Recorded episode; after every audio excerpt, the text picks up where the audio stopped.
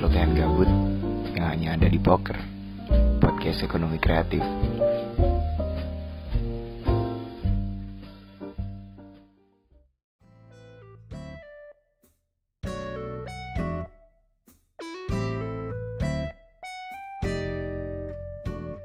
Hai.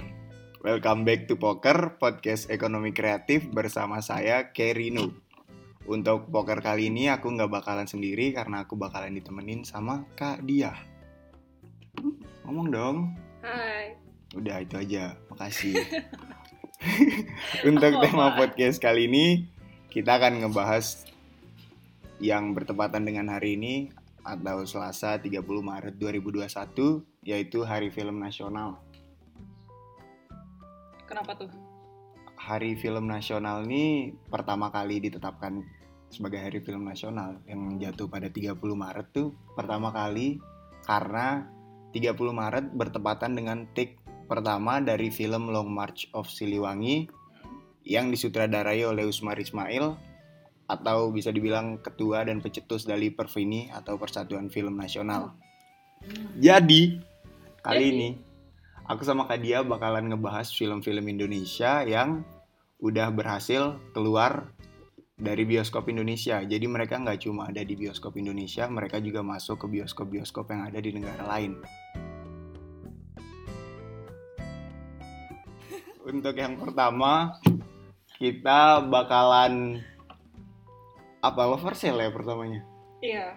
Iya, jadi untuk film pertama kita bakalan ngebahas Love for Love for Sale atau Cinta yang Dijual. Enggak ada nama kerennya tuh. Apa, Apa? nama nama nama in Englishnya? Enggak, bukan nama in Englishnya apa ya? Bukannya di posternya tuh ada. Iya apa? Enggak tahu ya buka itu deh. Iya. Iya. Terus Love kenapa tuh Love for Sale? Jadi kita bakalan ngebahas film yang sutradaranya sendiri bilang kalau film ini bisa disebut romantic horror karena ceritanya yang romantis tapi akhirnya yang horror karena ditinggal. Ditinggal. KPP udah pernah eh Apa? udah pernah nonton ini Love for Sale. Udah.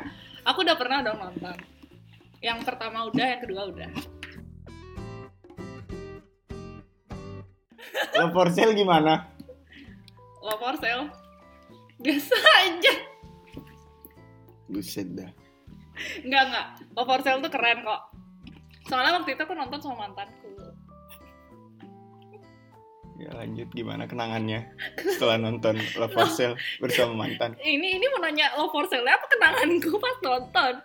Ya Love for Sale-nya dulu sebelum kita menuju ke lebih intim. Lanjut. Dari dari kayak dulu dong. Ya kalau dari aku Love for Sale bagus ya plotnya. Gimana pembawaan materi yang dibawa dari satu plot ke plot lain sama sinematografinya bisa dibilang bagus dan ya balik lagi ke plot atau alur ceritanya yang kita kayak nggak bisa tebak seakan-akan ceweknya tuh ngasih semuanya untuk cowoknya tapi pada akhirnya ya lakinya ditinggal dan dia harus sendiri lagi Sabar. tanpa dia sadar Sabar ya. dia bakalan sendiri karena dia tidak pernah menyangka akan perpisahan tersebut. Sabar ya.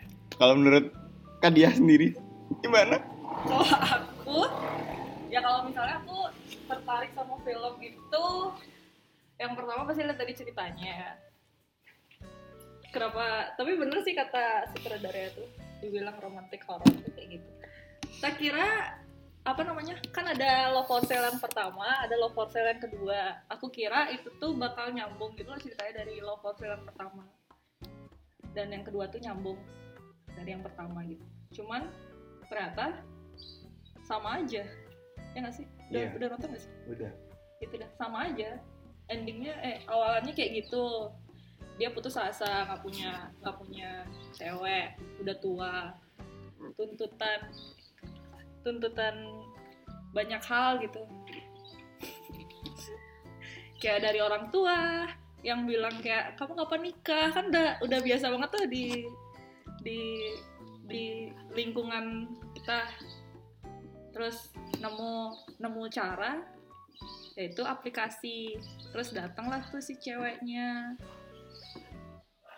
terus berapa hari sih sewanya tuh waktu itu 45 ya Iya 45 hari. 45 hari sewa sewa cewek maksudnya sewa cewek itu bukan yang ya, ya. Dalam konotasi yang tapi baik. ada ada ada ya itu adegan bagus. Iya. Tapi ujung-ujungnya juga ditinggal gitu kan. Cuman yang yang bikin aku tertarik tuh ada satu dialog yang dia tuh bilang kayak gini. Yang ceweknya dia bilang kayak ehm, aku cuma eh kan pas ditanya tuh sama yang cowok, Iya. kenapa sih kamu eh, apa namanya? mau kerja kayak gini gitu. Terus yang cewek bilang soalnya aku suka kalau lihat orang lain tuh bahagia gitu. Cuman aku mikir kan kalau misalnya si ceweknya suka lihat orangnya bahagia kenapa nggak sampai akhir gitu loh? Kenapa mesti? Iya di tengah-tengah tiba-tiba dia ngilang. Pas pas orang itu dirasa udah udah bahagia gitu kan. Kayak kemarin kemarin banget nih aku baru nonton Love for Sale yang kedua. Pas si apa ibunya udah bahagia sama apa namanya maksudnya kan awal-awal tuh dia eh, kayak nggak rukun gitu sama keluarganya. Kayak banyak lah pokoknya permasalahan. Gitu terus pas datang si cewek nih ya jadi lebih baik aja gitu keluarganya. Terus tiba-tiba pas udah ya udah pergi pergi gitu aja. Maksudnya ya mungkin itu ya maksud maksud dari filmnya. Maksudnya pas udah bahagia habis itu ditinggal. Cuman aku nggak tahu. Itu kan persepsiku sebagai orang yang nonton film. Nggak tahu kalian. Tapi kalian buat yang denger ini bakal spoiler sih. Kalau nggak pernah nonton Love for Sale, ya tapi saranku nonton sih. Soalnya bagus, nggak sih biasa aja bagus sih. Buat kalian yang pernah patah hati, nonton biar ingat mantan.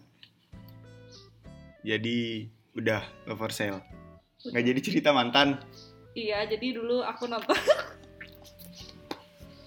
jadi jadi dulu aku nonton Love for Sale yang pertama. Ini kan pas pas itu apa launching itu kan belum ada corona tuh, jadi kan bisa tuh ke bioskop. Jadi aku nonton sama mantanku. Dan di bioskop cuma ada kita berdua aja. Dan aku sedih lihat endingnya, endingnya tai banget. Endingnya jadi kenyataan. Iya gak gitu. Aduh, iya. Abis itu aku nonton Love Sale yang kedua aku sendiri akhirnya. Yeay, tepuk tangan dulu. Yeay. Terima kasih Love for Sale karena sudah menghancurkan keinginan kita untuk move on. Keinginan aja sih. Aku udah move on. Keinginanku maksudnya. Hmm.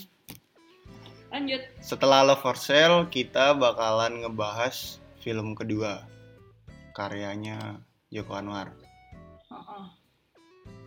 Kita bakalan ngebahas ini deh yang lebih hype. Yang dulu hype banget, Ngabdi Setan. Hmm, Udah pernah nonton? udah. Udah sih, cuman rada-rada lupa gitu jalan ceritanya itu kayak gimana. Cuman overall keren sih. Aku juga udah rada lupa sih, cuma adegan yang kayak nempel tetep di otakku tuh yang bagian ibunya bunyiin lonceng itu terus tiba-tiba berdiri di sebelah jendela. Iya, itu itu creepy sih. Kalau aku yang itu, yang apa? Yang apa sih tadi? Yang pacar, pacar Oh iya, pacar yang kakaknya. pacar kakaknya tuh di lindes, di lindes truk. Ah, ah, di lindes truk itu sih. Itu siang loh. Maksudnya siang tuh vibesnya kan kayak kalau misalnya kita nonton film horor tuh, kecuali film horor eh, apa namanya? Aku sempat nonton gini. Harry Deteri, tau nggak? Tahu nggak? Oh iya iya. Harry Tree itu menurutku itu film horor yang kayak walaupun kita siang tuh kayak tetap horor gitu loh, kayak tetap vibes-nya tuh serem gitu. Kalau misalnya film-film horor yang biasa tuh kan kayak emang pas malamnya aja yang serem kan. Cuman ini menurutku yang waktu siang tuh dapat banget sih seremnya maksudnya. Ya gitu. Kayak mematahkan stigma film horor Iya, tuh nggak uh, uh, perlu uh. harus malam gitu. Mm, itu sih, itu keren. Sama adegan yang ini, yang pas neneknya udah meninggal tuh, yang Hmm. tiba-tiba kursi rodanya Kursi kedorong rodanya sendiri. kedorong sendiri, ah. Itu kan pas mayat-mayatnya pada datang kan Iya. rumahnya. Ah, iya itu. Nah itu iya, iya sih. Tapi neneknya nggak sih yang nyelamatin tuh? Iya neneknya kan yang nyelamatin akhirnya. Terus ternyata adiknya yang paling kecil tuh, Ah, bukan Bukan adiknya. adiknya. Keren sih, pokoknya kalian harus nonton. Tapi udah kena spoiler gara-gara kita nonton. Om Joko keren. Iya. Udah. Terus kita bakalan setelah dari Pengabdi Setan, kita bakalan ngebahas filmnya Om Joko lagi. Gundala. Uh. Gundala juga baru aku kemarin nonton loh. Gara-gara aku disuruh nonton lagi. Jadi aku memaksa guys. Aku disuruh review film. Jadi kemarin aku tuh nonton Love for Sale kedua sama Gundala. Tapi keren sih yang Gundala. Keren, keren banget. Terus gimana tuh yang Gundala? Kalau aku Gundala bagus sih. Kayak rapi gitu cuma terlalu banyak adegan actionnya menurutku. Walaupun memang notabene-nya itu film action superhero. Mm. tapi kayak latar belakang dari Gundalanya ini terlalu sedikit dikasih Iya, lihat. oh, benar benar. Benar sih. Cuman endingnya endingnya tuh bakal ada lanjutan gak sih? Ya endingnya kan kalau nggak salah ngeliatin ini Sri Asih Iya, ya sih. temennya Gundala nanti. Soalnya itu kan anunya Joko Anwar kan? Apa nama ininya? Apa? Dia punya nama sinematiknya gitu loh. Ah, aku lupa juga. Ah, Langit Bumi kalau nggak salah. Hmm, Langit Bumi, Bumi Langit. Pokoknya itu kayak ceritain semua superhero Indonesia superhero Indonesia. zaman lawas. Ya. Dan nextnya tuh bakalan ada Sri Asih. Kalau dari Gundala yang aku suka itu movement kameranya waktu fight itu keren sih. Waktu fight di mana-mana ya maksudnya kayak waktu dia demo yang bapaknya pertama tuh Ya, bapaknya demo. Terus em, waktu dia dikejar sama preman. Tapi yang waktu dikejar sama preman tuh yang itu yang keren. Waktu dia masih kecil, yang dikejar sama, preman. berandalan tuh. Ah, gara-gara eh bukan ya kayak anak-anak kecil juga yang ngejar dia habis itu dia digebukin gitu sih keren sama yang itu preman pasar tuh juga bagus sih Kalau Gundala sih aku di bagian ininya. Kayak kalau kita lihat dari perspektif lainnya ya tentang pengkornya. hmm hmm ya Aku aku malah mikir kalau sebenarnya pengkor tuh nggak jahat gitu loh. Iya. Ya dia jahat gitu loh, caranya salah. Kalau kayak di Avenger tuh kayak Thanos gitu loh. Jadi kayak tujuannya dia sebenarnya itu buat kasih seimbang dunia aja. Cuma kalau Thanos kan genosida, kalau pengkor di Gundala kan dia buat kayak suntikan gitu kan suntikan. biar anak-anaknya anaknya cacat. cacat. Jadi kayak dia. Mm-mm. Tapi aku nggak aku pertama tuh pengkor itu aku kira apa ya apa karena aku nggak terlalu ngeh latar belakangnya pengkor sampai kayak gitu tuh kayak gimana Ada. ada kan Ah, cuman aku nggak terlalu ngeh yang waktu gitu kan yang di- dia dibakar rumahnya tuh Ya rumahnya dibakar terus dia nggak bisa keluar Nggak kan bisa keluar. Akhirnya kan dia- dia ngumpet di lemari tuh waktu itu Iya. Nah, Terus dia cacat dia gitu. cacat. terus dia ditaruh di rumah yatim kalau nggak Hmm. salah. Abis itu di apa, rumah yatim itu kan kayak disiksa gitu Disiksa. mereka terus Terus dia dia temen-temennya Ah. buat ini. Buat buat rebel gitu. buat ini kan ngebunuh. Tapi keren maksudnya kayak lucu sih. Iya sih. Nggak lucu sih. Ya lucu. Ya lucu gimana adegan lucunya? Anak kecil. iya anak kecil. Belum puber bunuh bunuh bunuh orang pengurus pakai- panti pakai apa sih? Pakai sendok? Kalau pakai apa sih? sendok pakai parang. Oh iya ya pakai parang ya iya pakai dibunuh parang. Ih, keren keren banget. Kayak kita masih adegan-adegan anak-anak horor tuh? Kan Iya. dia diikat terus anak-anaknya tuh apa di di atas badannya tuh. Iya terus satu-satu. Ketawa. Uh ketawanya tuh paling keren banget menurutku sih. ya. Lucu lucu lucu. Iya lucu kali. Tapi keren loh maksudnya Gundala tuh nggak cuma apa namanya nggak cuma eh, tajam di action aja cuman dia kan ada sisi-sisi politik Indonesia yang diangkat gitu kayak iya sih kayak- DPR wakil rakyat yang nggak guna. Guna nggak sih DPR buat di Gundala? Iya di Gundala. Tidak guna tahu ada satu DPR yang baik tuh kan dia kan dia mati kan enggak belum oh mati yang mudanya ya iya, yang mati yang, yang mudanya yang mati yang, tua itu yang nggak mati belum. kayak gitu ya begitu berarti kalau Gundala ini sih menurut aku ya kalau kita mau menyelami plotnya lebih dalam lagi tuh bakalan banyak gitu yang kita tahu. Mm-mm. Kalau kita cuma nonton kan kita cuma lihat actionnya Gundala kecil gimana. Ya. Kita nggak bakalan merhatiin sampai di bagian Pengkor tuh kenapa sih bisa Ah. sampai kayak gini? Iya. Kenapa sih orang-orang di belakangnya Pengkor mau ikutin Pengkor gimana pun jahatnya Pengkor? Iya. Karena kesamaan nasib sih. Iya kesamaan nasib. itu yang paling bikin ya gitu. Sama Udah kayak- Pengkor kan punya ini juga. Apa? Kayak dia kan di ceritanya kan punya panti asuhan gitu Ah, kan untuk iya, anak-anak yang nggak ada orang tuanya. Dan setelah itu kan setelah dia ngebunuh uh, apa orang-orang panti itu kan dia buat panti asuhan. Terus dia nyekolahin temen-temennya untuk pokoknya dia akhirnya tuh berhasil dapat warisannya gitu kan. Jadinya dia pakai itu untuk Untuk nyekolahin. kebaikan. Sebenarnya itu baik. Makanya ada di di satu dialog tuh yang waktu DPR termuda tuh dia nggak mau salaman. Oh iya. Nah, itu dah. Dia sebenarnya ada nih yang pokoknya dia bilang eh, gini. Dia tuh emang mafia. Cuman dia tuh buat beberapa orang tuh Tuhan gitu. Karena emang dia nyelamatin orang-orang. Nyelamatin hidupnya, nyelamatin masa depannya. Ya sih? Nyelamatin masa depannya orang-orang juga. Iya. Pengkor ya, gitu. perumpamaan manusia dari bentuk yin yang di setiap kebaikan ada keburukan, di setiap keburukan ada kebaikan. Pengkor is the man. Jadi kita stand pengkor, tapi udah meninggal dia. Ya, mohon Om Joko buat storynya Pengkor. Dibuat sendiri ya. Lanjut. Terus setelah kita membahas tiga film yang bisa tayang di bioskop, kita bakalan bahas film in- Indonesia yang sedikit bisa dibilang kontroversial Hmm. karena ya mungkin di beberapa tempat ada yang di ban udah masuk bioskop tapi akhirnya di take down. Yang kita bahas pertama nih ini Marlina pembunuh dalam empat babak. Wow. Oh enggak. Aku juga nonton itu sama mantanku.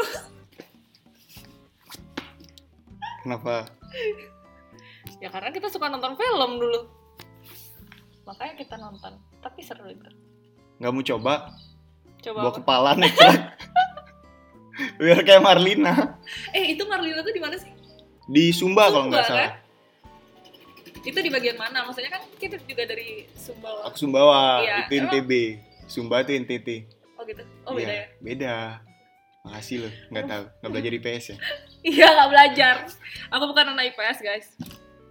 Terus adegan ini pas dia di eh, eh, eh.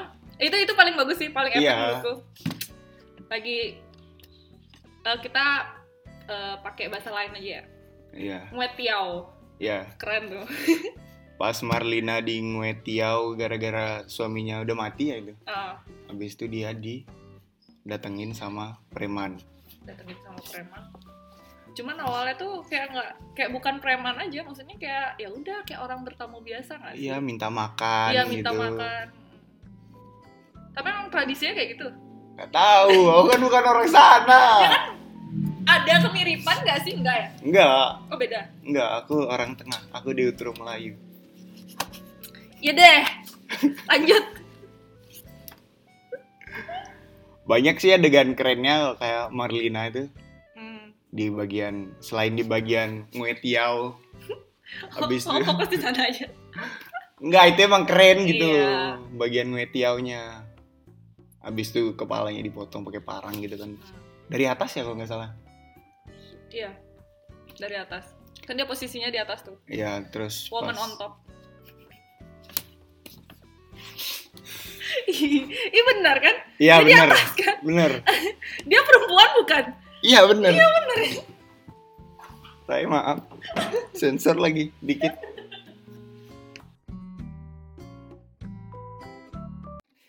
Poker episode eksplisit konten. Iya, terus dia ceritanya lagi di atas. Terus dia membunuh, menggal palanya si siapa namanya? Aduh aku lupa. Aku lupa sih nama bapaknya. Ah. siapa sih namanya? Kok kepo banget. Ya gitu deh pokoknya. Abis itu kan itu itu kan ada tuh eh, yang masih muda tuh nggak sih yang waktu dia masak masak sup ayam tuh terus dia mau nyobain tapi nggak jadi itu anaknya si bapaknya tuh nggak sih Aku nggak tahu sih kalau yang itu. oh, Aku rada lupa. Aku ingatnya selain adegan Wetiao yang WOT Word of Tank maksudku Sama- explicit content sama adegan yang ini loh Apa? yang dia bawa kepalanya itu. Iya, dia bawa kepala. Kan ada empat babak nih. Oh iya. Babak yang pertama tuh dia apa namanya? Aku lupa perampokan apa penjarahan aku lupa. Ya penjarahan tuh kan yang di rumahnya terus setelah yang- suaminya mati. Terus yang kedua itu dia perjalanan mau ke kantor polisi. Itu tuh sebenarnya udah merepresentasikan birokrasi kita. Kalau misalnya ada kekerasan atau ada pelecehan, ya kayak gitu gitu. Ingat gak sih yang di kantor polisi? Iya. Nah, kan Dia makan sate tuh. bukan? Iya, yang sebelum dia ke kantor polisi itu dia makan sate. Ingatnya makan sate aja. Lapar bos. Ya terus eh, dia Babak sempat Ketiga Nggak. tuh apa? eh, babak ketiga tuh anjir aku lupa. Pengakuan. Kalau nggak salah ya, pengakuan. Itu udah waktu babak, babak ketiga tuh dia kan di kantor polisi. Kan babak kedua tuh kan perjalanan tuh, jadi perjalanannya dia dari rumah sampai ke gini. Terus dia tuh di, dipergokin sama kan ada lagi dua preman tuh belum dibunuh tuh. Oh iya. Nah, jadi kan dia di dicegat tuh gini ya dia truknya dia dicegat pas dia lagi kencing berdua sama temennya Oh iya sih. temennya kan hamil Iya temennya yang Nah, hamil tuh. temennya yang hamil tuh jadi temennya yang hamil tuh nyelamatin dia dia sembunyi temennya yang hamil tuh bilang kalau Marlina lagi udah aku lihat ke sana gitu akhirnya dibawa sama premannya tuh ke sana dia akhirnya terus si Marlina nih dapat kuda akhirnya dia jalan deh Oh iya dia naik kuda sumba ya. naik kuda Kuda sumba besar loh. Ya masuk terus literally besar gitu. Kuda sumba itu segini dulu. terus Kalau gue diri nggak ada sih keren aja dia bisa naik kuda Oh. sumba. ya kan film gimana sih Ya masa di CGI adegan naik kudanya Iya uangnya siapa? Nah ini bukan Hollywood. Ini Indowood. Terus babak ketiganya tuh dia di kantor polisi. Ingat gak sih yang polisinya main tenis meja? Pingpong. Iya. Sama aja. Tenis Kan meja. pingpong lebih keren. Iya, iya, iya pingpong. Jadi pas dia mau apa? Mau buat laporan, dia tuh harus nunggu polisinya Karena polisinya lagi main pingpong. lagi main pingpong. Terus ya udah. Setelah itu setelah itu ya dia di apa namanya? Dia ngelapor, dia bilang tapi dia nggak bilang kalau dia ngebunuh. Sebenarnya menurut kita salah nggak sih kalau misalnya dia ngebunuh? Enggak. Ya enggak, karena bentuk pembelaan diri kan. Ya itu pembelaan dirinya dia setelah dia di ngetiau. tapi yang bikin yang bikin ribet itu waktu itu polisinya pokoknya sempet bilang nggak bisa nggak bisa langsung gini soalnya harus visum dan segala macam Nah, iya. ya kalau misalnya ada kekerasan atau diperkosa dan segala macam tuh mesti divisum dulu supaya tahu apa eh supaya tahu bener apa enggak gitu. Jadi dia tuh kayaknya udah pesimis gitu loh sama apa sama dia yang jauh-jauh bawa kepala doang ke kantor polisi. Ternyata kayak apa polisinya juga minta supaya dia tuh ada apa namanya eh, investigasi ke rumahnya dia. Sedangkan di rumahnya dia tuh banyak banget mayat. Jadi kan dia baru bunuh-bunuh orang-orang. Kayak dari sup tuh. Oh iya. Jadi film ini sebenarnya menunjukkan gimana birokrasi sebenarnya di Indonesia. Saat motormu hilang kamu harus tunggu tujuh hari. Siapa tahu udah dibodong. iya gitu deh guys Kan kita nggak tahu. apa Sama maksudku. Marlina nih menunjukkan kehidupan nyata di Indonesia Iya. gitu loh kayak. Ya walaupun nggak semuanya, tapi oknum polisi biasanya kayak gitu. biasanya ya. Bukan menyamaratakan ya. Maksudnya kayak kebanyakan sih kayak gitu. Ah sahkan RUU PKS guys. Ya itu dari terus Kadia endingnya? Endingnya epic sih. Aku lupa sih endingnya. Endingnya tuh gini yang preman yang dua tuh tapi yang satunya tuh kan udah ngebunuh si supirnya tuh. Oh iya. Supir eh, udah ngebunuh akhirnya dia kesel nih sama yang lagi satu nih pokoknya yang paling muda. Aku curiga yang paling muda nih anaknya sih anak yang udah dibunuh tuh yang kepala dipenggal tuh. Aku curiga sih itu. Soalnya dia tuh kayak pengen banget kepalanya tuh balik gitu loh. Terus akhirnya eh, dia tuh make temennya yang hamil supaya bikin Marlina tuh balik ke rumahnya. Jadi setelah Marlina balik ke rumahnya temennya yang hamil kan ada di rumahnya juga tuh. Terus eh, kepalanya udah dibalikin kayak gimana ya eh, kalau orang mati di di Sumba kan di apa ditaruh gitu. Iya. Nah, itu dah udah ditaruh kepalanya. Setelah itu si apa yang ceweknya yang hamil ini disuruh masak sup ayam. Disuruh masak sup ayam tapi dia tuh udah kontraksi udah mau melahirkan. Ada apa dengan supaya jadi serem gak sih kalau makan sup ayam habis itu udah kontraksi dia udah pengen banget melahirkan. Terus si Marlina nih disuruh nemenin si yang cowok nih yang metiau lagi. Diajak metiau lagi. Terus si Marlina nih udah teriak-teriak. Teriak-teriak akhirnya si temennya ini nggak tahan juga kan kasihan. Akhirnya dia sebelum sebenarnya dia kayak udah ngeh gitu loh. Jadi sebelum sebelum Marlina balik tuh dia udah ngambil parang gitu. Udah disembunyiin di dapur. Terus ya udah deh pas Marlina teriak-teriak akhirnya dia ngedobrak pintu pak. Di penggal juga deh palanya. Setelah itu ya udah. Akhirnya melahirkan. Melahirkannya di tempat banyak mayat lagi. Melahirkannya di tengah-tengah mayat tapi Marlina bagus sih. Ya Marlina definisi perempuan tangguh sih. Keren sih. Aku ngebayangin kalau aku di posisi kayak gitu nggak bakal berani menggal orang. Walaupun ada pisau. Nggak bakal berani. Kayak ya tapi nggak tahu sih. Semoga aja tidak jipin kayak gitu. Ya amin. Apa amin? Semoga enggak. Iya. Eh, terus? Kak dia tahu ini nggak The Night Come For Us. Film enggak. Indonesia. Tapi yang Netflix punya. Aku belum nonton. Yang main tuh siapa? Iko Uwais. Habis itu aku lupa namanya yang lagi satu Juta Slim. Hmm, belum nonton aku. Itu keren. Itu cerita tentang apa? Itu tentang kayak gangster gitu loh. Hah? jadi dia pertamanya tuh pas mereka masih kecil tuh mereka masuk kayak gangster gitu. Heeh. tapi mereka tuh cuma pegang pelabuhan aja gitu loh mereka cuma pegang sisinya pelabuhan pelabuhannya ini dipunya punyanya mafia besar dari Rusia gitu loh. Hmm. akhirnya dia berdua sama temennya nih kerjasama gitu loh biar akhirnya mereka bisa sama-sama dapet ini Hmm. sama-sama pegang pelabuhan tempatnya mereka besar gitu loh Hmm. tapi setelah mereka masuk tuh mereka kan di dalam mafia itu tuh ada six ocean gitu loh Hmm. jadi kayak enam orang yang pegang eksportir narkoba ke seluruh Asia gitu. Tapi temennya nih yang Iko Uwais-nya nih kayak nggak suka gitu loh sama ininya sama Jota Slimnya Sama karena Jota Slimnya yang dapet ini akhirnya Oh. yang dapat pelabuhan. Walaupun dia tuh Jota Slim nih kayak tukang jagalnya gitu loh. Hmm. jadi dia nggak mafia yang datang ke mafia lain dia kayak jadi tukang jagalnya. Misalnya narkobanya dari sini mau diekspor ke sini gitu kan. Nanti misalnya ditaruh di desa ini terus desa ini ambil sedikit asupan narkobanya gitu loh. Nanti satu desa bakalan dibunuh gitu.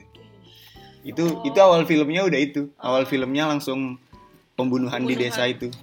Terus sisanya tuh ada satu anak kecil. Cerita filmnya tuh Jut Aslimnya kayak berkhianat gitu loh. Dia pengen nyelamatin satu anak kecil ini terus dia pengen keluar dari klub mafia itu.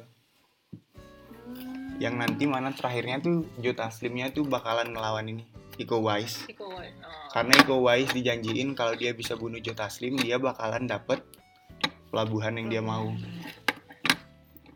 tapi Oh. kalau menurut aku sih The Night Come For Us tuh worth it banget buat dinonton cuma kalau aku lihat ya aku baca-baca gitu di Google kayak artikel-artikel gitu banyak adegan yang dipotong gitu loh karena dirasa terlalu terlalu sadis. sadis.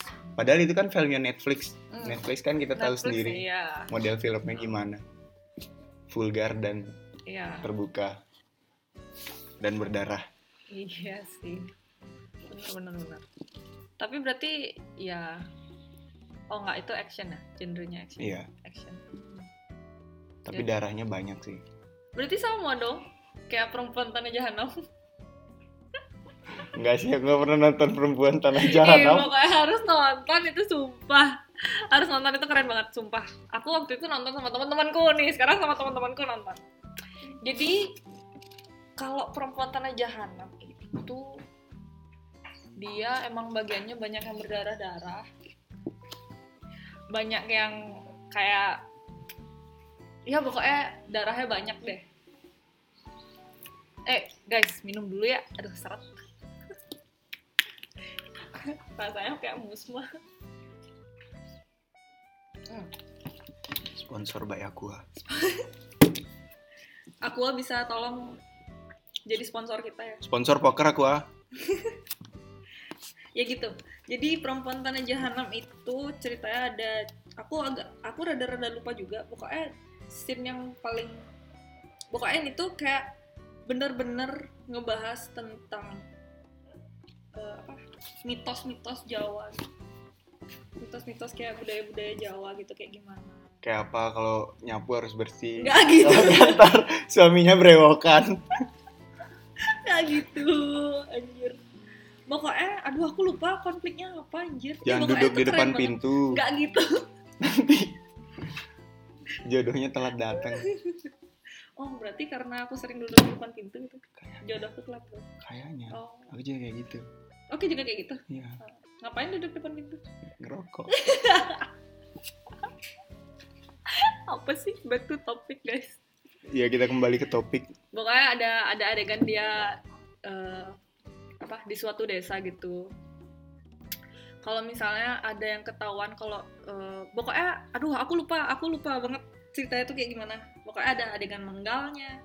Menggalnya tuh kayak apa namanya? di dibalikin gitu loh. Oh Jadi iya. kakinya di atas, palanya di bawah gitu. Habis itu dipenggal, darahnya eh pokoknya dipenggal, terus kan darahnya tuh ngecur tuh. Terus di darahnya tuh di diambil semua terus, terus dibuang ke apa pohon atau apa gitu kalau nggak salah. Terus eh, organ tubuhnya tuh diambil semua. Diliatin adegannya. Enggak sih. Oh, oke Eh, diliatin. Aku kayaknya iya, kayaknya iya diliatin. Aku lupa. Tapi diliatinnya tuh pas udah dipotong-potong semua gitu. Kayak dadanya dipotong, Oh iya. terus tangannya gitu. Gitu. Itu itu serem banget. Ah, terus Kayak ini ya berarti. Midsommar. ya aku belum nonton sih Midsommar anjing, aku takut banget. Katanya katanya tuh serem banget sih. Aku nggak mau Soalnya nonton. Midsommar tuh ambil temanya siang. ya gitu dah pokoknya kalian nonton aja deh aku sampai apa abis nonton itu tuh nggak berani lihat sambel loh sumpah saking berdarah darahnya tuh kayak anjing lah eh ini anjing perlu disensor anjing tuh hewan Iya. Dan anjing itu lucu. Ya, jadi anjing guys. Ayo sensor. enggak nggak Sumpah ini explicit content. iya nggak perlu disensor sensor udah lah Nggak dimarah kita. nggak apa apa ya paling kayak hilang Kok aku? iya kan kayak yang pengen Oh iya. Ini aku yang bawa. ya udah Maksud lah. ya udah lanjut Terakhir nih. terakhir wow Jelas. udah 35 menit Anda mendengar kita. Kalau Anda mendenar di skip nggak apa-apa. ya di skip juga nggak apa-apa aku juga nggak bakal denger lagi kok Yang penting view-nya masuk. Yang terakhir kita bakalan bahas film yang sempat kontroversial entah 2019 atau 2020 lah ini. hmm. Karena ngangkat budaya yang dirasa sama kita yang udah pegang budaya timur tuh sesuatu yang anomali lah, nah, aneh gitu. ya aneh. Kita bakalan bahas kucumbu tubuh indahku. hmm. apa sih Udah pernah nonton? udah cuman itu aku nontonnya tuh bajakan kan? Ih jangan ditiru ya guys. Aku nontonnya bajakan. Gara-gara gara-gara eh, eh kok gara-gara lagi? Terus eh, nontonnya tuh aku nggak ada subtitlenya. Jadi itu tuh kan karena film budaya ngangkat budaya Jawa ya? Iya. ngangkat budaya Banyuwangi Jawa kalau nggak salah. Oh ya itu dah. Jadi jadi filmnya tuh pakai bahasa Jawa. Dan aku nggak ngerti. Aku kira bahasa Jawa tuh bakal mirip-mirip kayak bahasa Bali gitu. Ternyata enggak sama sekali Beda itu Jawanya itu beda. ternyata enggak sama iya Jawa itu beda Heeh. jadi aku nggak ngerti sama sekali tapi aku maksudnya ngerti karena visualisasinya tuh jelas gitu loh ya cuman nggak ngerti kenapa dia melakukan itu Kenapa dia ngintip? iya kenapa dia ngintip ngintip apa gitu aku kira dia ngintip tuh pas eh, scene awal tuh dia ngintip tuh dia nyari ceweknya karena dia tertarik sama ceweknya Ternyata ternyata gara-gara apa kalau menurutku sih dia tertarik sama budayanya gitu. loh. Dia ingin menjadi seperti itu, Hmm. tapi karena dia laki dia nggak bisa jadi kayak gitu. tapi kan itu lengger lanang Iya sih. Ya, terus Maksudku karena kayak Lenggir Lanang sendiri kan kalau dilihat di film itu kan kayak dia sampai dikucilkan gitu loh. hmm, ya sih benar-benar Apa ada budaya di tempatmu sendiri yang memang bertujuan untuk mengkucilkan kamu saat Ah. kamu ingin? Heeh sih cuman dia pindah-pindah kan Iya kan dia pindah Pindah-pindah. dari satu tempat ke satu tempat. Kayak lagunya Hindia, rumah ke rumah.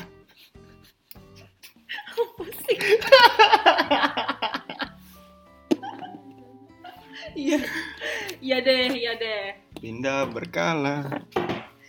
Ya, terus yang menarik sih itu sih.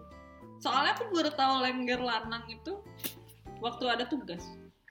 Tugas antropologi budaya pokoknya. Eh, anak sosio 19 kalau misalnya nonton, eh nonton lagi, denger ini pasti kalian ngeh kan kalau misalnya kita tuh pernah dikasih tugas. Tugas nge-review tentang lengger lanang. Jadi kayak bagus aja gitu, lucu. Semua aja lucu. Iya sih. Yang bunuh-bunuh anak-anak tuh sih yang lucu. Eh bukan bunuh-bunuh anak-anak. Yang anak kebunuh. Kok bunuh-bunuh anak-anak? Ya gitu, lengger lanang tuh perlu dilestarikan sih menurutku. Keren. Semua film yang ngangkat budaya sih sebenarnya Mm-mm. harus lebih naik lagi Iya. sama film dokumenter Indonesia. Kenapa baru LGBT? Kenapa baru ada isu LGBT langsung di take down? Padahal itu kan nyangkut ke budaya kita juga. Iya nggak sih? Iya, Iya kan? Yang reok gitu kan? Yang paling akhir. Iya. yang reak yang aku lupa namanya guys. Aku mau searching ah. Oke kepo. Yang reok tuh apa namanya? Wa wa. Wa sama wa wa wa. Wa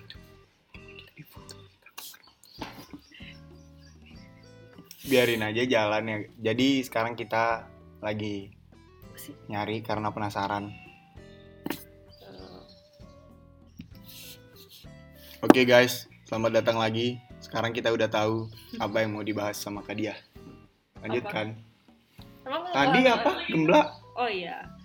Jadi di di di film itu yang bikin aku tertarik itu ada namanya Waro sama Gemblak. Jadi kalau misalnya kalian pernah nonton Reok Ponorogo tuh, jadi Waroknya itu yang main Reoknya, terus Gemblak itu kayak yang ini yang aku baca ya, maksudnya aku juga belum baca full, tapi Gemblak itu kayak dia tuh jadi kayak jimat gitu loh. Jimat keberuntungan si waroknya nih. Jadi waroknya cowok gemblaknya juga cowok muda gitu. Cowok muda gitu. Dan ceritanya si Juno ini jadi gemblak jadi gemblaknya si warok dan Juno tuh suka sama waroknya gitu mungkin ini kenapa ya apa namanya kayak dibilang mempromosikan LGBT dan segala macam padahal itu loh budaya kita aku nggak ngerti Terus pas diklaim ngamuk. Nah, iya pas diklaim sama bud- negara lain ngamuk. Ah, apa sih maunya? Ah, dasar. Pas ngangkat budaya yang sedikit ekstremis, salah. Salah. Terus pas diklaim ngamuk. Sebenarnya ya kayak film bagaimanapun modelnya itu pilihan.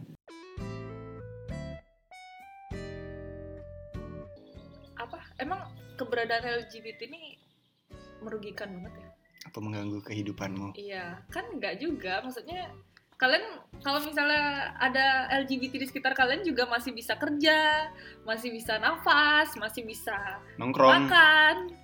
Itu terus apa ap- apa apa yang bikin apa urgensinya sampai film sebagus ini? Menurutku ini menurutku ini bagus ya bagus banget malah. Di take down gitu loh. Padahal udah sampai udah menangin apa sih? Banyak Venice di Seoul. Hmm, dan banyak penghargaan lainnya di dunia hmm itu deh udah sampai menang banyak penghargaan tuh kayak keren aja dan menurutku goblok sih di take down aku jadi susah kan nyari filmnya Ya, filmnya juga kan kayak model semi dokumenter gitu Iya, Heeh, iya. Soalnya kan yang apa? Lengger ya? Iya. Lenggernya tuh yang cerita kan langsung kayak awalannya tuh. Aku tahu kok awalannya tuh. Kayak dia tuh cerita kalau waktu kecil tuh dia kayak gini. Langsung dari akhirnya gitu. Ini plotnya maju mundur gak sih? Iya maju mundur kan dari dia cerita terus Hmm. balik lagi Balik lagi. Habis makanya aku bilangnya semi dokumenter kan kayak dia yang udah pernah ngelewatin semuanya tuh itu dia gitu. nyeritain Iya. abis itu pas cerita kilas balik filmnya tuh diperanin sama orang lain gitu Iya, peran sama orang lain. buat kayak di remake ceritanya dia masuk ke dalam film gitu Pokoknya sayang banget sih di take down. Padahal keren banget. Kalau misalnya kalian mau nonton, ya cari deh supaya dapet. Pokoknya kalian harus nonton ini gitu. Biar kalian tuh punya, maksudnya nggak ada yang salah sih kalau misalnya kalian nonton hal-hal yang dianggap sensitif. Ya nggak sih? iya Soalnya kita tuh jadi punya pandangan baru setelah itu. Selama kita memandang itu tetap sebuah film kan? Iya.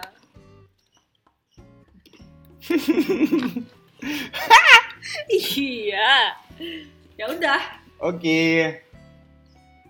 Terima kasih sudah mau mendengar kita 42 menit 50 detik ini. Semoga apa yang kita Omongin. omongin di sini ya setidaknya membuka sedikit pikiran baru tentang bagaimana film Indonesia di mata kalian. Dan buat kalian yang belum nonton film-film yang kita sebut, nonton, Harus nonton. tapi jangan bajakan. Iya, kita anti bajakan. Biar aku aja yang bajakan. Iya, biar biar kita aja yang bajakan. Apa sih? Pokoknya film-film tadi tuh semoga bisa jadi referensi yang baru buat kalian yang emang pingin apa ya? Iya bisa aja kalau lagi gabut gitu kan nonton. Kalau misalnya kalian nggak tahu mau nonton apa, kalian bisa tuh list-list yang tadi udah kita omong. Atau tertarik sama sinematografinya, habis itu Iya. mau belajar Widih, mau belajar. biar jadi sineas muda.